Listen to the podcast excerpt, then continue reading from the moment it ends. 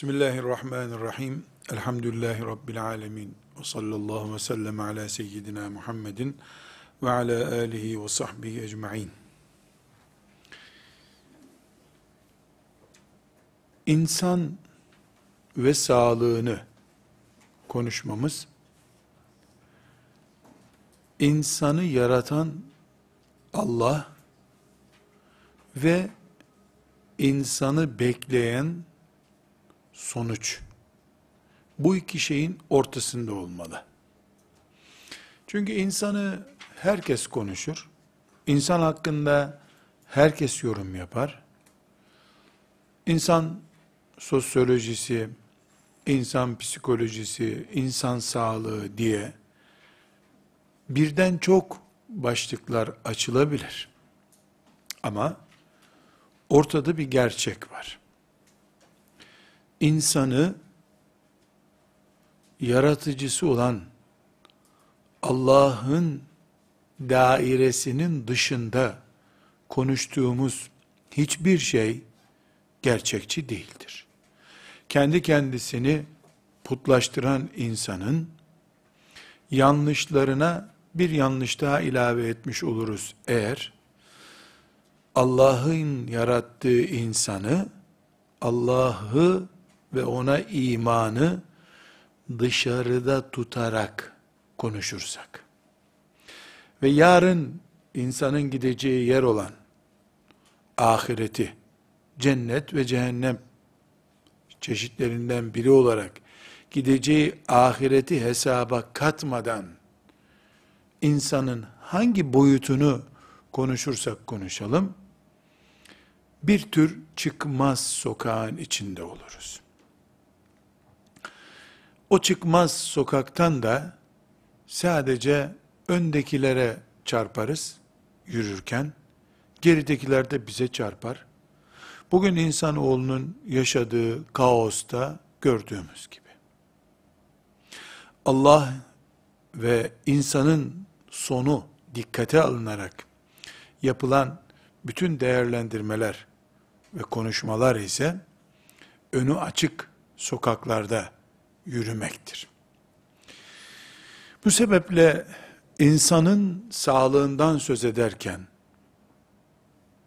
insanın tıp hizmetiyle bağlantısından söz ederken, yaratıcısını dikkate alarak konuşma özelliğini öne çıkaracağız. Buna da biz Müslümanca insanı konuşmak, Müslümanca tıbbın insanla ilişkisini belirlemek diyebiliriz. Burada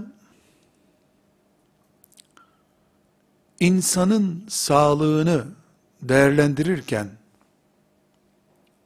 bunu Müslümanca yapacağımızı söylediğimize göre insan sağlığı açısından Dünya Sağlık Örgütü'nün veya devletlerin sağlık kurumlarının kurallarını konuşmayacağız. Onlara müdahaleci değiliz.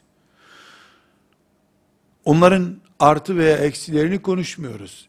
Hem ilgi alanımızın dışında kalıyor, hem de çok müdahale edilecek bir şeyimiz yok ortada.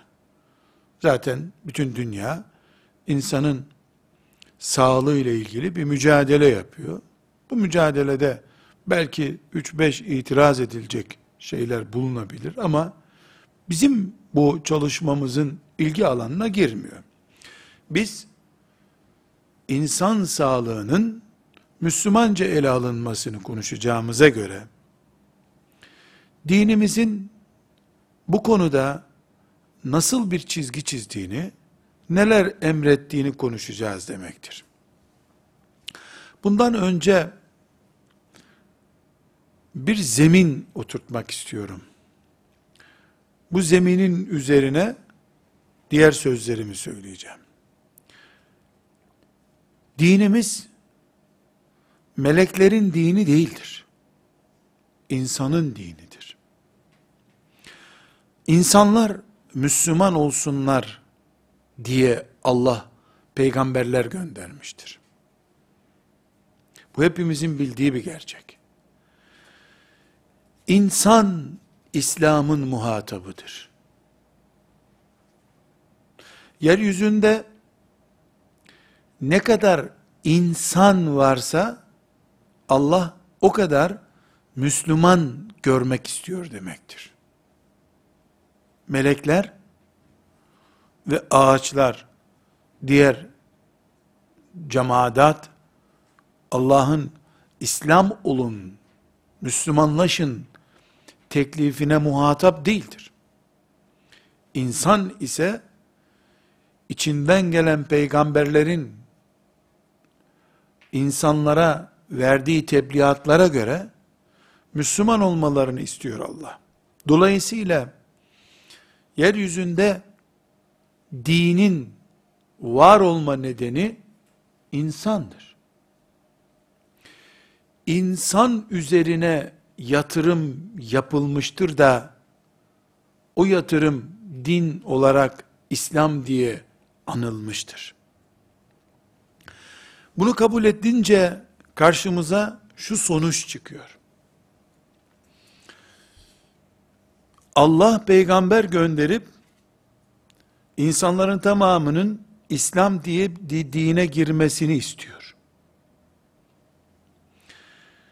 İslam'ın hedefi olan insanın din taşımasını istiyor Allah. Omuzuna yük bindiriyor. Belki duymuşsunuzdur, büyük oranda duymuş olmanız lazım. Kitaplar okursanız kitaplarda görmüşsünüzdür. Kur'an'ımız din sorumluluğunun dağlara, göklere yüklenmesini teklif ettiğinde Allah'ın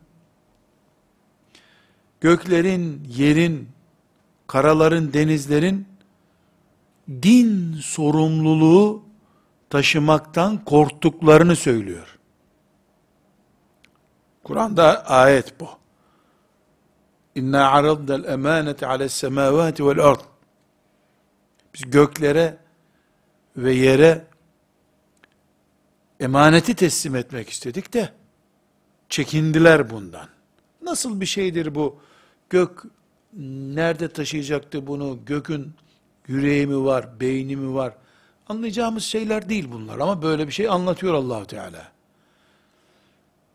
Onlar bundan çekindiler. Ve hamelehel insan. İnsansa din emanetini kabul etti.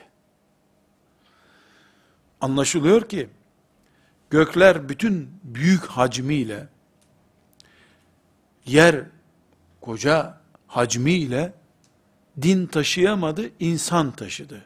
Demek insanın kapasitesi dünya ve uzaydan daha güçlüdür aslında. Dünyadan ve uzaydan çok daha güçlü bir insan var karşımızda. Her ne kadar bir beyin cerrahı kestim doğradım bunun beynini diyecek kadar küçük göreceği bir beyincik gibi duruyorsa da insan hem insanın öz kendi kapasitesi hem de bütün insanlığın toplam olarak kaldırma kapasitesi gökler ve yerlerin hacminden daha yüksektir. Bunun için insan İslam yükünü taşımayı kabul etmiştir. Ya bizim bunlar haberimiz var mı? Ayrı bir mesele. Yani bünyemiz bu kabullenmişlikle yaratılmış bir bünyedir. Böyle iman ediyoruz. Ayetler böyle söylüyor. Peygamber aleyhisselam efendimiz böyle tanıtmış. Dolayısıyla Allah'ın yüklemeyi murad ettiği yük, insan denen mahlukun omuzlarındadır. Üçü, beşi, bini, iki bini neyse, milyonu, milyarı, insan bu yükü taşıyacak. Bu insan, etten ve kemikten yaratılmış. İlikleri var, kanı var, kasları var, bir şeyleri var insanın. Ve eriyen, ezilen, zayıflayabilen bir mahluk insan. Taş gibi 3000 sene önce konduğu yerde aynen durmuyor. Rüzgardan etkileniyor, yiyecekten etkileniyor, açlıktan etkileniyor. İnsan esasen zayıf bünyeli. Çünkü ölüme mahkum, çünkü gıdaya esir, çünkü morali olmadığı zaman kapasitesi düşüyor. İnsanın pek çok açıdan zafiyetleri var. Bir bakıyorsun, ekmeği hayatı kabul ediyor. Bir bakıyorsun, yanında ağlayan birisiyle ağlıyor. Açlık mı daha etkin, moralsizlik mi daha etkin belirleyemiyorsun. İnsan çok zayıf, kapasitesi cılız gibi duruyor. Bu sebeple beyin fonksiyonları açısından, organik yapısı açısından, biyolojisiyle, psikolojisiyle insanın İslam'ı, Müslümanlığı taşımasını istiyor Allah. Bu sebeple morali bozuk Müslümanın. Omuzları kas tutulması olmuş, boynu ağıran, omuzları çökmüş bir Müslümanın, yürümeye mecali olmayan bir Müslümanın, beyin sarsıntısı geçirmiş bir Müslümanın. Veya işte herhangi bir şekilde tıpça arıza, tedavi edilmesi gerekir diye düşünülen sorunu olan bir Müslümanın toplumda bir kişi iki kişi olması çok önemli değil. Çünkü bir kişi bir sıkıntı içindeyse bu bin kişi de olabilir, beş bin kişi de olabilir. Dolayısıyla tıbben desteğe muhtaç sorunu olan Müslümanın Allah'ın insanı var etmedeki gayesi olan İslam'ı taşıttırma projesinde bir sorundur.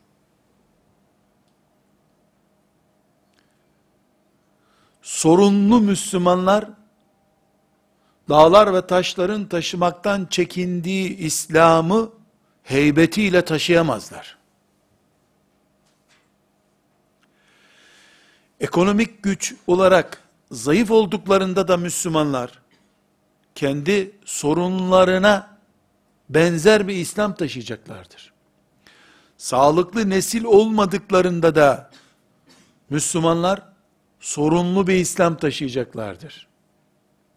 İslam'ın kendisinde sorun yok. Ama taşıyıcısı yüzünden aksayacaktır. Evet İslam güçlü. İslam levh-i mahfuzdaki orijinal şekliyle hep duruyor zaten. Ama namazı sağlıklı kılamayan, orucu sağlıklı tutamayan, hac yapacak gücü olmayan, yetiştirdiği çocuklarının sağlığıyla ilgilenemeyen, nesil yetiştiremeyen Müslümanların, can derdine düşmüş Müslümanların, canan derdinden eriyen Müslümanların, herhangi bir şekilde Allah'ın insanı var etmek gayesi olan, Allah'ın dini İslam'ı heybetiyle sarsmadan taşıma projesini yürütemezler. Buradan şu noktaya geliyoruz.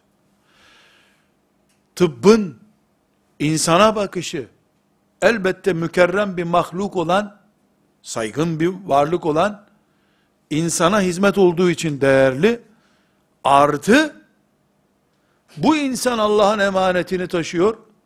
İnsanın pozitif gücü kadar, sorunsuz bedeni kadar, aktif beyni kadar da yeryüzünde Müslümanlık var olacak demektir.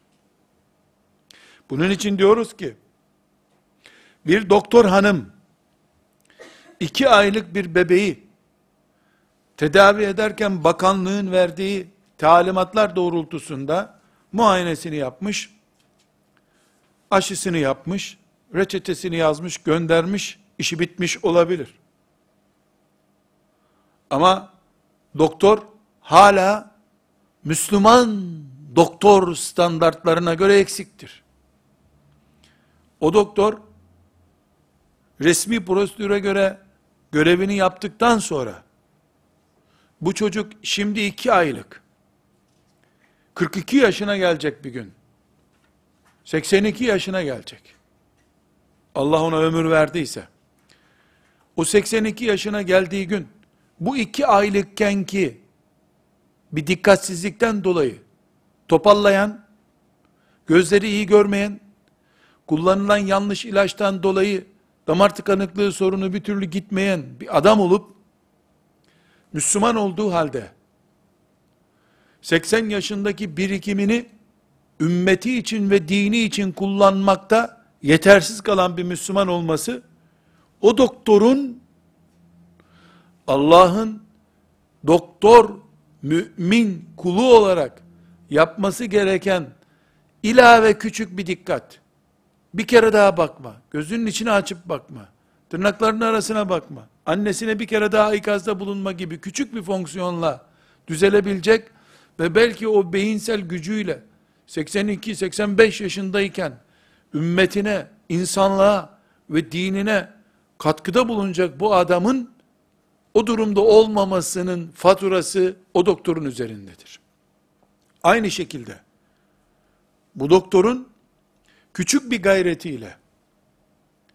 Bu sorun giderildi de 30 yaşındayken surların kapısında Bizans'ı sıkıştırmaya geldiği zaman o delikanlı 50 yaşına geldiği halde, 70 yaşına geldiği halde, 80'ini geçtiği halde çocukken ki o doktorun teşviki ve gayretiyle delikanlı kıvamında duruyorsa ve dini için bir şeyler yapıyorsa, Endelüs'ü zorluyorsa, masada ümmetine faydalı olacak eserler, laboratuvarda insanlığın hizmetinde olacak icatlar peşinde dolaşıyorsa, doktorumuz, kendisi belki öleli 30 sene olmuştur, hala mezarında Allah'ın meleklerinin sevaplar yağdırdığı bir doktordur. Artısı ve eksisi boyutuyla geçerli bu kural. Bu sebeple biz insan sağlığını incelerken evet insan saygın mükerrem bir varlık. Dolayısıyla tıp mükerrem bir iş yapıyor. Ama bir ilavesi daha var bunun. İnsan yeryüzünde la ilahe illallah Muhammedur Resulullah'ın emanetini taşıyor. Bu emaneti taşıyan insanın bütün tıbbi veriler açısından tıbbi sıkıntılar açısından göreceği hizmetler aynı zamanda Allah'ın dini, İslam'ın, Müslümanlığın, peygamber davasının insanlık olarak insanlığın özünün güçlü olması demektir. Tıbbın insanla birleştiği yerde bir de bu boyut var. Bunu e, hepimizin çok iyi bildiği İmam Müslim'in sahihinde rivayet ettiği 2600 64. hadisi şerif e, arşivimizde numarasıyla bulunmasında fayda var. Sahih-i Müslim'de. Başka hadis kitaplarında da var da Sahih-i Müslim'de olması Peygamber aleyhisselam efendimize ait bir söz olması açısından yeterli bağlayıcılık olarak. Peygamber Efendimiz sallallahu aleyhi ve sellem şimdi bu bahsettiğim göklerin yükünü dünya çapında bir yükü etten kemikten olduğu halde, kaslardan, iliklerden oluşmuş bir bünyesi bulunduğu halde taşıyan insanın sağlığının ne ile alakalı olduğunu, hangi boyutlarda olduğunu, ne kadar Müslüman için önemli olduğunu ve bir doktorun gözünde ne anlama gelmesi gerektiğini anlatan hadis-i şerifi dinliyoruz. Buyuruyor ki, güçlü mümin, Allah için güçsüz müminden daha değerlidir. Yani Allah'a göre güçlü mümin güçsüz müminden değerlidir. Buradaki güç ibadet gücü, iman gücü değil. Zaten mümin iman ehli. Hangi güç? Pazı gücü, beyin gücü, damar gücü, bilek gücüdür. Göz gücü, kulak gücü, duyu organlarına hakim olma gücü. Bu yani insani güce kastediyor. Güçlü mümin Allah için yani Allah'a göre zayıf müminden daha hayırlıdır. Daha hayırlıdır ne demek? Allah böyle istiyor demek. Kullarını güçlü görmek istiyor demek. Küçük bir şeytanın aklımıza getirebileceği soru üretebiliriz buradan. Niye hasta ediyor kullarını o zaman? Madem güçlüyüz diye herkesi. İşte bunun için konuşuyoruz.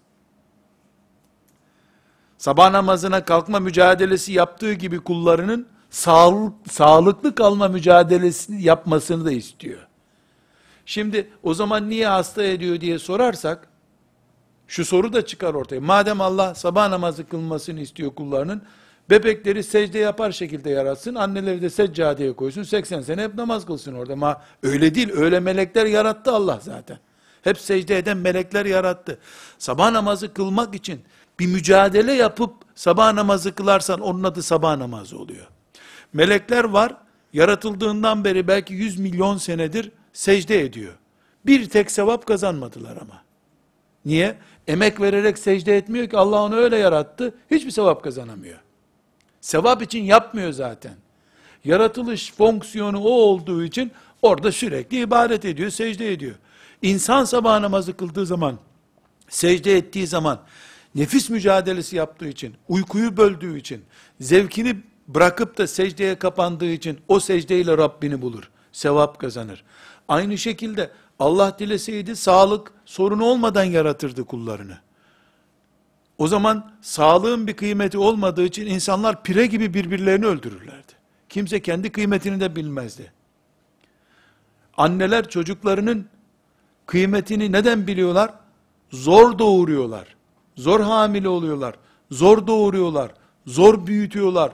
Zor besliyorlar. Bütün bu zorluklar anne 80 yaşında olduğu halde 60 yaşındaki çocuğu için ağlar hale getiriyor onu. Kıymetini biliyor. Bu sebeple Allah sağlığı sorun haline getiriyor. Müminler sabah namazı için titiz davrandıkları gibi sağlıkları için de titiz davransınlar diye sabah namazından sevap kazandığı gibi doktor da sağlığına hizmet ettiği zaman müminlerin, Müslümanların sevap kazansın diye. Hadisi şeriften böyle bir sinsi iblis sorusu çıkabilir. Önceden biz cevap verelim buna. Allah madem güçlü müminler görmek istiyor, e, mümin olunca herkesin IQ'su son noktaya gelsin. Bilekleri demir gibi olsun, demiri ezebilecek. Madem müminlik böyle istiyor. Böyle istiyor ama bunun için mücadele eden kulları böyle olsun istiyor.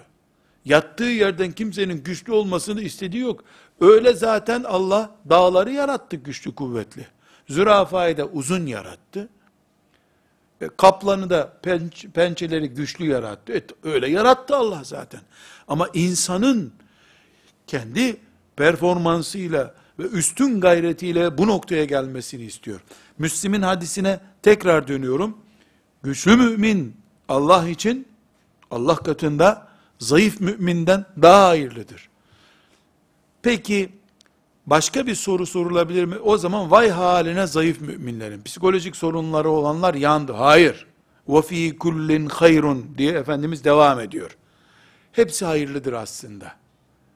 Her mümin, mümin olduğu için hayırlıdır. Daha hayırlısı güçlü olandır.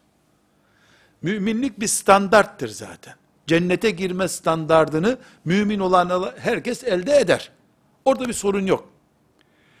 Bu bir adım daha ileri gider, güçlü mümin olur bu sefer.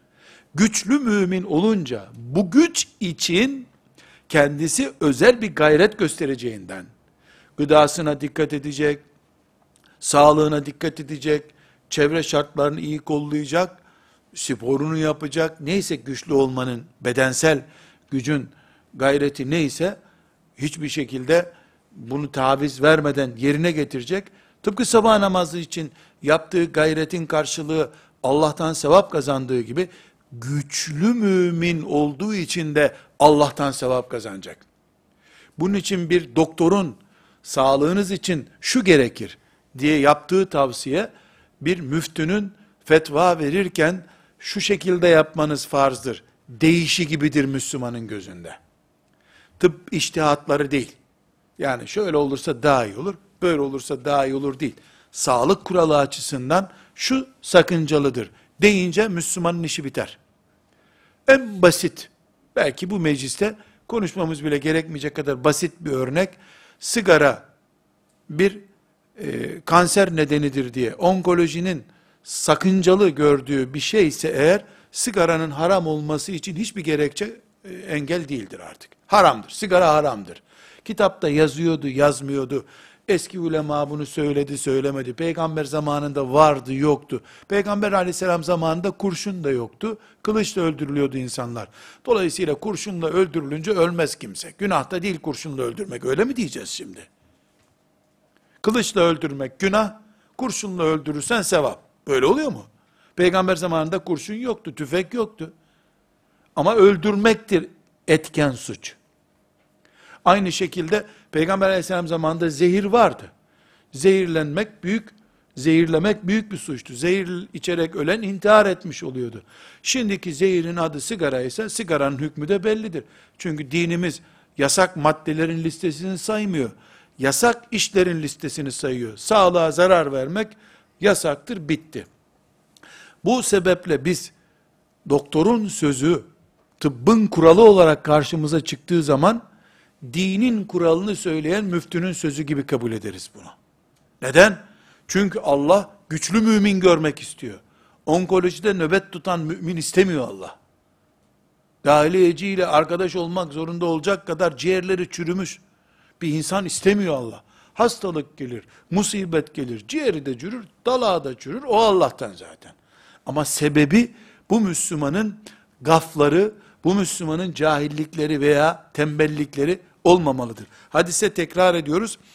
İnsan dağların taşıyamadığı, taşımayı kabul etmekte zorlandıkları, göklerin yüklenmekte çekindiği Allah'ın emaneti olan Müslümanlığı, İslam'ı, Kur'an davasını taşıyan insanın sağlıkla ilişkisini belirlemeye çalışıyoruz. Güçlü mümin Allah için zayıf müminden daha hayırlıdır ama hepsi hayırlıdır aslında. Dahası, bir puan daha fazlası güçlü mümindir.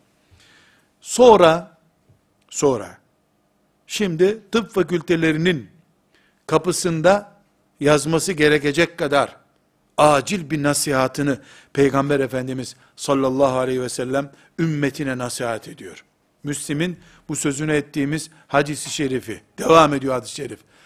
Bir tıp fakültesi programından daha yoğun şey söylüyor ve bunu hastaya söylüyor. Hasta adayı Müslümana söylüyor. Ne söylüyor? Sana yararlı olacak şeylere dikkat et. Sonra da Allah'a güven ve pısırık olma. Üç cümle. Yararlı olacak şeylere dikkat et. Allah'a güven, pısırık olma. Bu tavsiyeler burada dahiliye ilaçları sayılmıyor. Antibiyotik listesi yok. Ama hayata bakış gözlüğü veriyor Efendimiz sallallahu aleyhi ve sellem. Evvela Allah'ın neyi sevdiğini söyledi. Güçlü mümin istiyor Allah. Mümin olduğun için sen zaten hayırlısın. Ama Allah güçlü olmanı, daha performansı yüksek bir Müslüman olmanı istiyor. Artı, bunu sağladıktan sonra zihnimizde, yani böyle bir anlayışımız olmasını gerektikten sonra, peygamber olduğu için aleyhissalatü vesselam bunun yöntemini de gösteriyor bize. Tamam ben bunu nasıl elde edeceğim sordurtmuyor. Sana yararı olacak şeylere dikkat et diyor.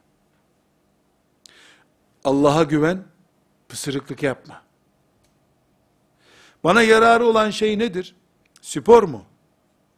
Bitti. Bana yararı olan şey nedir? Temiz hava mı? Bana yararı olan şey nedir? Benim çapımda bedensel filanca özelliği olan bir kimsenin yaşayacağı hayat tarzını yaşamak mıdır? Bunları ben elde etmek zorundayım. Bu gücü bu şekilde sağlayacağım. Yoksa Allah beni arızalı bir bedenle yarattıysa, engelli yarattıysa benim yapacağım bir şey yok zaten. Ama engelli bir mümine de engelliler arasında yine pısırık olma. Engelliler arasında en iyi sen ol. En iyi olmaya çalıştığı yine tavsiyede bulunuyor Allah. Burada en baştaki sözümüze dönmek zorundayız. Bu hadisi şerifle ne yapmak istediğimiz ortaya çıksın istiyorum. Şunu yapmak istiyoruz. Biz mümin olarak tıbba Müslümanca bakarken nasıl baktığımızı gösterdik.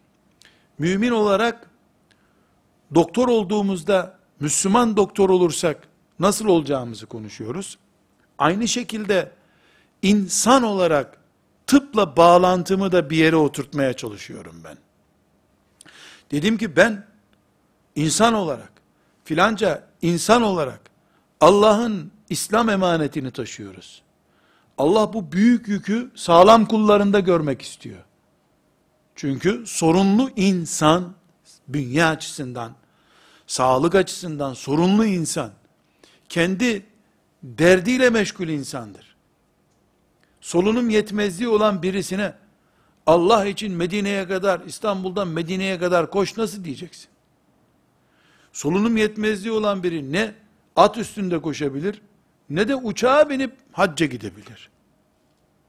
Ciğerleri güçlü Müslüman istiyor Allah. Ciğerlerimizin güçlü olması için her Müslümanın çalışması, proje üretmesi, sağlığına dikkat etmesi görevi her doktorun da ciğeri güçlü nesil yetişsin. Müslümanların ciğeri güçlü olsun. Solukları uzun olsun diye gayret etmesi bu yüzden ibadet. Çünkü Allah güçlü mümin istiyor. Güçlü mümin öbür müminden daha fazla seviyor. Burada bu hadisi şeriften sonra bir başka hadisi şerife geçeceğim. Bu hadisi şerifi de biz Resulullah sallallahu aleyhi ve sellem'den esinlenerek yaşamaya çalışan Müslümanlar olarak nasıl değerlendirmemiz gerektiğini, hayata nasıl bakmamız gerektiğini peygamberden öğrenecek kimseler olarak aleyhissalatu vesselam bir duasından yola çıkarak Efendimiz sallallahu aleyhi ve sellemin bir duasından yola çıkarak hayata hangi gözle bakmamız Allah'ın razı olduğu bir bakıştır. Onu okuyacağız. İbn Mace'de 3871 numaralı hadis-i şerif, Ebu Davud'da da 5071. hadisi şerif ashab-ı kiramdan Ömer bin Hattab radıyallahu anh'ın oğlu olan Abdullah ibn Ömer radıyallahu anhuma Resulullah sallallahu aleyhi ve sellemin sabah ve akşam bu duayı sürekli okuduğunu söylüyor. Sizler Arapçasından bu duayı muhakkak okuyunuz. Türkçesinden de dua duadır. Ama Peygamber sallallahu aleyhi ve sellemin mübarek dilinden akan tavır, söz, işaret her zaman daha bereketlidir. Şimdi biz bunu Peygamber sallallahu aleyhi ve sellemin lisanından sağlık, hayat nasıl görülüyor onu öğreneceğiz. Ama şöyle bir uygulamada yapalım. Madem ki Peygamberimiz sallallahu aleyhi ve sellem böyle bir duayı sabah akşam yapıyormuş. Bize prensip kararı edinelim. Bu duayı Allah'ın izniyle terk etmeyeceğiz diyelim. Sabahleyin evden çıkarken okuyalım. Akşam eve gelince okuyalım. Yatarken okuyalım. Kalkınca okuyalım. Abdestli okunur, abdestsiz okunur, cünüpken okunur. Kur'an ayeti değil çünkü. Kur'an ayeti değil. Efendimiz sallallahu aleyhi ve sellemin dualarındandır. Duanın Allahümme inni eselükel affe vel afiyete fi dünya vel ahire diye başlayan Arapçasını sizler okuyacaksınız inşallah.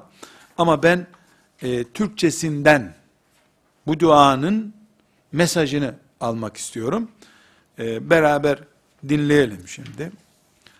İbn Ömer'in radıyallahu anhüma rivayet etti hadis-i şerifte. Allah'ım ben senden dünyada ve ahirette affedilmek, sıhhat ve sağlık dilerim. Allah'ım ben senden dinim, dünyam, aile fertlerim ve malım hakkında affedilmemi ve afiyette olmamı dilerim. Allah'ım ayıplarımı ört. Beni korkulacak şeylerden emin kıl. Beni önümden, arkamdan, sağımdan, solumdan ve üstümden gelecek belalardan koru. alt tarafımdan gelecek belalardan da sana sığınırım. Bir kelimeyi açıklayarak anlamı kolaylaştırmaya çalışayım. Afiyet kelimesi hadis-i şerifte geçiyor. Afiyet sorunsuzluk demektir. Sorunsuz kalmak demektir. Yemek yiyen birisine teşekkür ederim, güzeldi yemeğiniz dediğinde afiyet olsun diyoruz. Ne demek afiyet olsun? Bu yemek size sorun oluşturmasın demek. Efendimiz sallallahu aleyhi ve sellem ashabından bazılarına afiyet isteyin. Allah'tan istenecek en iyi şey afiyettir buyurmuş. Bu duada o istek tarzlarından birini oluştu. Allahümme inneselükel afve vel afiyete. Af istiyorum, afiyet istiyorum Allah'ım. Af, günahlarımdan, hatalarımdan temizlenmek. Afiyet, bedensel ve çevresel sorunu olmayan bir hayat yaşamak istiyorum. Şimdi, mesela amcası Abbas var. Efendimiz sallallahu aleyhi ve sellemin amcası. Bir gün ona buyurmuş ki, amcacım demiş. Amcacım, amcamsın. Sana bir öğütte bulunayım mı? Allah'tan afiyet iste. Afiyet kadar isteyeceğin değerli bir şey yoktur buyurmuş. Çünkü afiyet sorunsuzluk demek. Sorun nedir? İnsanın damarları tıkanıyor. İnsanın kanında romatizma oluyor. Eklem sorunu oluyor. Bunlar sorun. İnsanın eşiyle sorunu oluyor. Bu bir sorun. Çocuğu olmuyor bir sorun. Çocuğu oluyor beş sorun. Evi oluyor vergisini ödemekte zorlanıyor. Evi olmuyor kirada zorlanıyor. Hayat sorunlar yumağıdır. Mümin ibadet etmek için gelmiş bir insan olduğundan bu sorunlarla uğraştıkça ibadetinde seviye düşüklüğü yaşar. Sıkıntı yaşar. Onun için dertsizlik, sorunsuzluk istemek Allah'tan kalite istemektir. Bu kaliteyi günahlarının affedilmesini istediği gibi sağlığımı artır, afiyetimi artır diye istiyor Peygamberimiz sallallahu aleyhi ve sellem. Burada hepimizin çok ince bir çizgiyi gerekiyorsa gözlük takarak, mikroskop takarak görmemiz lazım. Peygamberimiz sallallahu aleyhi ve sellem hastalığı da ibaretti. O Rabbinden gelen her şeye olduğu gibi razıydı. En ağır hastalıktan öldü zaten. Ateşler içinde kıvranarak öldü. Kendi sağlığında kaç tane torun ve çocuğunu toprağa gömdü. Kaç kere ölümcül sahnelerden geri geldi. Sorunlar içinde yoğrulmuş bir peygamberimiz var. Sallallahu aleyhi ve sellem. Fil dişi kulede yaşamadı. Krallar gibi bir hayatı olmadı. Kölelerin yaşadığı ortamlarda yaşadı. İnsanlığın efendisi olduğu halde. Buna rağmen bize ders olsun diye, Allah'tan ne istememiz gerektiğini öğretmek için afiyetten söz ediyor. Çünkü insan, zengin de olsa afiyeti yoksa hayat onun için zehirdir. Afiyet içinde olan bir fakir, afiyeti olmayan zenginden daha huzurludur. Müslüman olarak, Allah'tan isteyeceğimiz şeyi öğretiyor. Afiyeti öğretiyor. Bu arada ince ayrıntılar var. Hadis-i şerife şimdi tekrar dönelim. Allah'ım ben senden dünyada ve ahirette affedilmek, sıhhat ve sağlık dilerim. Sıhhatli ve sağlıklı olmak, yatakta kıvranmaktan iyi demek. Çünkü iyi olanı ister peygamber sallallahu aleyhi ve sellem. Allah'ım Ben senden dinim, dünyam, aile fertlerim ve malım hakkında affedilmemi ve afiyette olmamı dilerim. Dininin sağlam olmasını istiyor. Dünyalığının da sağlam olmasını istiyor. Çocuklarının ve ailesinin de afiyetini istiyor. Malın da sorunsuzunu istiyor. Allah'ım ayıplarımı ört. Peygamberin bir ayıbı var mı? Haşa. Ama bize ders veriyor. Ayıplarımı ört. Beni korkulacak şeylerden emin kıl. Beni önümden, arkamdan, sağımdan, solumdan, üstümden ve altımdan gelecek şeylerden güvende tut. Bir insanın başka neresi kalır? Sağı solu, üstü altı, önü arkası bütün yönlerini güvence altına almasını istemiş sallallahu aleyhi ve sellem Efendimiz. Buradan nereye çıkmaya çalışıyorum? Şuraya çıkmaya çalışıyorum. Müslüman olarak biz sabah namazında bir mücadele yaptığımız gibi bu mücadeleyi afiyette olmak için de yapmak zorundayız. Bize sabah namazını kıldıran imam efendimiz nasıl dinimiz açısından çok iyi bir hizmet yaptığı için ona Allah razı olsun gözüyle bakarız. Sağlığımıza hizmet eden doktoru, hemşireyi, ebeyi, sağlık teknisyenini, müdürü, müdür yardımcısını da Allah razı olsunluk bir iş yapıyor görürüz. İmam da maaş aldığı için bir sakıncalı görmemiştik. Doktor da ücret alınca onu da bir sakıncalı görmeyeceğiz. Dinime hizmet ediyor, sağlığıma hizmet ediyor. Bir Müslüman olarak La ilahe illallah Muhammedur Resulullah'ım sahibi olarak ben bir insan yeryüzünde Allah'ın en büyük emanetini İslam'ını taşıyan birisi olarak herhangi bir insan Müslüman olduğunda ona yapılan sağlık hizmeti ibadettir diyoruz. Onun namazının camide sabah namazı olarak kılındır, kıldırılması da bir ibadet olduğu gibi. Sağlığı insanı gördüğümüz yerde görüyoruz. İnsanı Allah'ın emanetini taşıyan biri olarak gördüğümüze göre Allah'ın emanetini taşıyan insana sağlık hizmetini de bu emanet kadar değerli görüyoruz demektir. Bu duayı Allahümme inne eselkel afve vel afiyete fid dünya vel ahire.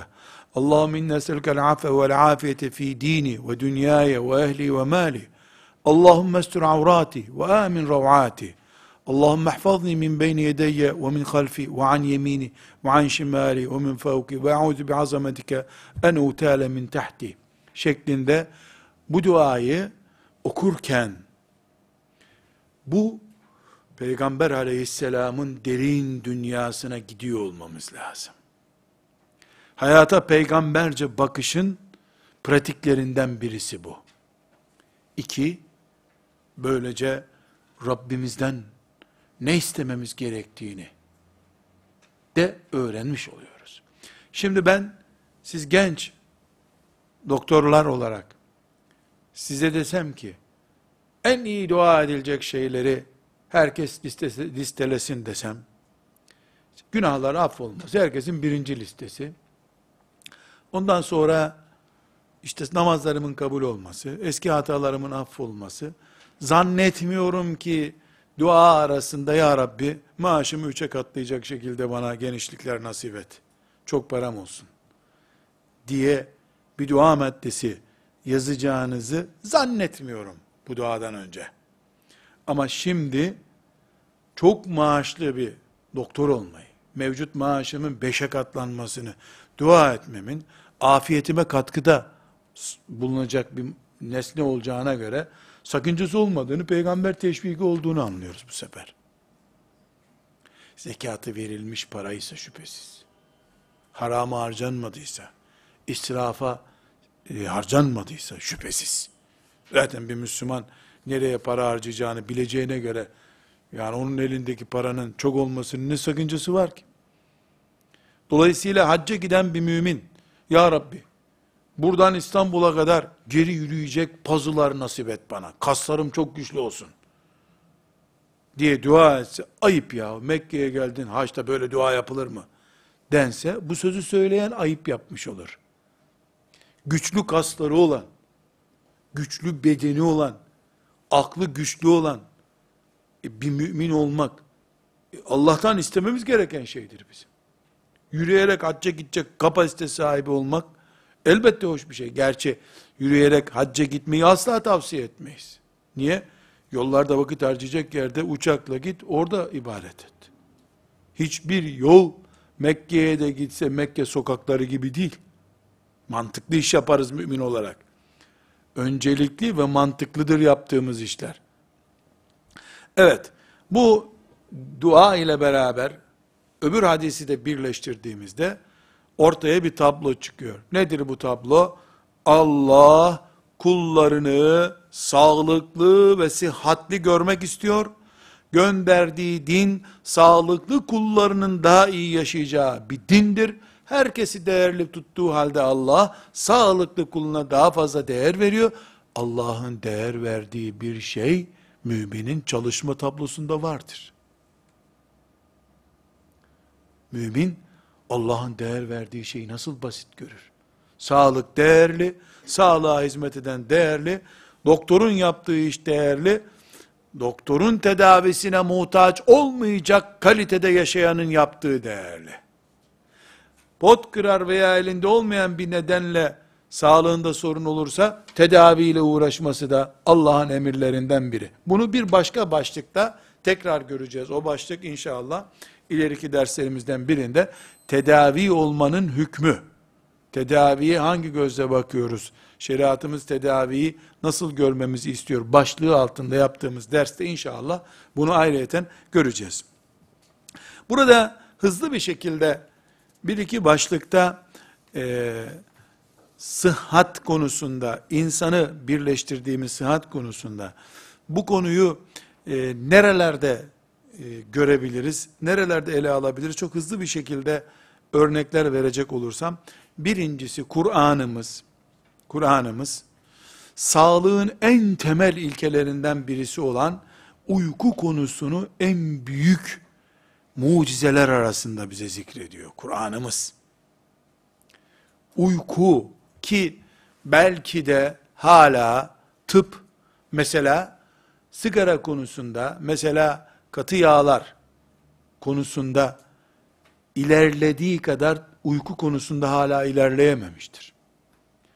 Mesela filan nesne Sağlık Bakanlığı'nın uyarılarıyla marketlerden toplatılıyor. Ama hala gece yarılarına kadar insanların televizyon başlarında olmasını e, engelleyecek bir yasa çıkarılamıyor. Hala e, aydınlatıldığı sürece gece gündüz gibi kullanılıyor. Bu da ne tıbbın ne de Dünya Sağlık Örgütü'nün hala Kur'an'ın sağlık anlayışı düzeyine gelemediğini gösteriyor. Sadece tavuklara yedirilen yemlerde yumurtada şu zararlı nesne oluşuyor, o, o yemi yedirmeyin diyebilecek durumda. Yemlerle uğraşıyor hala Dünya Sağlık Örgütü. Sağlık Bakanlığı hala geceye müdahale edecek durumda değildir. Gelememiştir.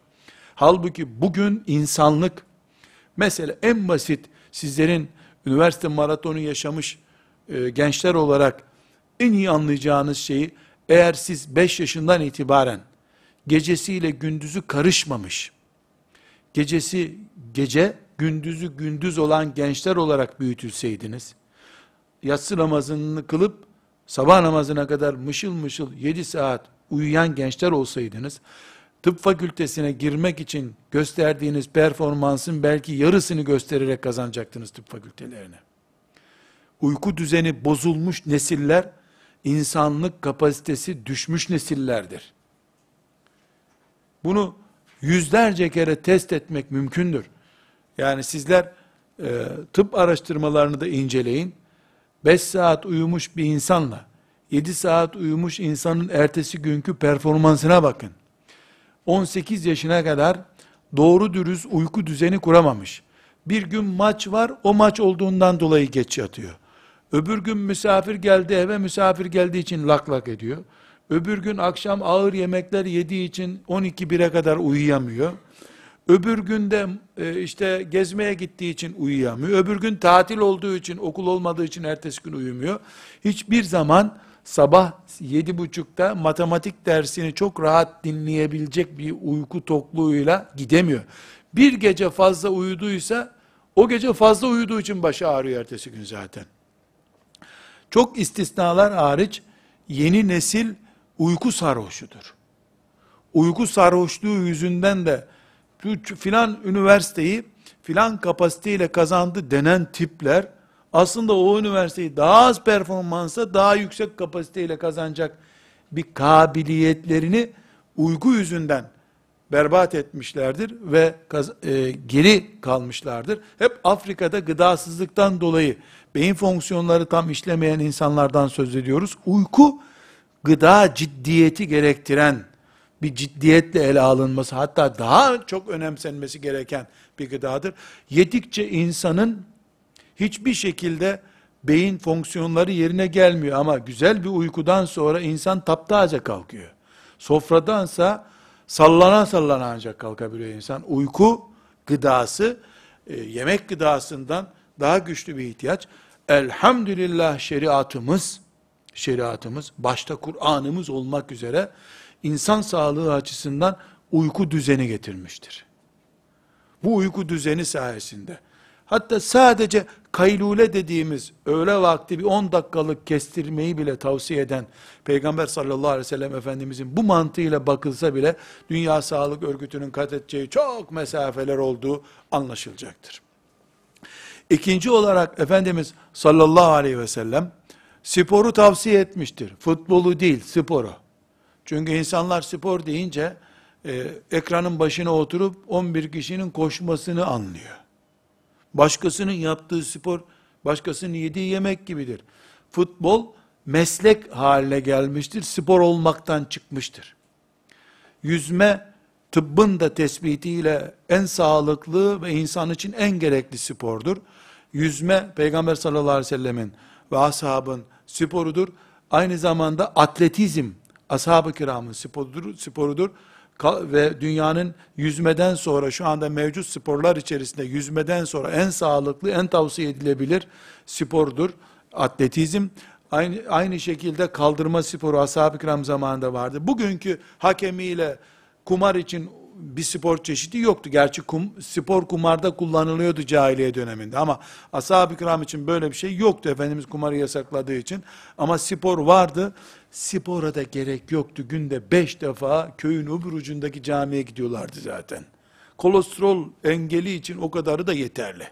Yani 300-400 metre ötedeki bir camiye günde beş defa gidip geldi mi adam tıbbın tavsiye ettiği kilometreyi dolduruyor zaten iki buçuk kilometre günde doldurmuş oluyor. Bir de bunların tarlalarına, bahçelerine gidip geldiğine bak. Şimdiki sorun masa çocuğu olmaktan kaynaklanıyor. Şimdiki sorun bedenin ihtiyacından daha fazla yeme içmeden kaynaklanıyor. Uyku bir, ee, yemek e, spor iki, İslam'ın e, insan sağlığına yaptığı yatırımdan söz ediyoruz. Üçüncü olarak da insanın gıdası ile ilgili yenebilirler, yenemezler listesi oluşturmuştur dinimiz. Bunun ayrıntısına gireceğiz. Tıp ve gıda diye başlığımız olacak inşallah. Bunların geniş ayrıntılarına orada devam edeceğiz. Artı İslam temizlik diye bir başlığı ilk inen ayetlere koymuştur. Üstelik de elbise temizliğini de temizlik başlığı altında işliyor dinimiz.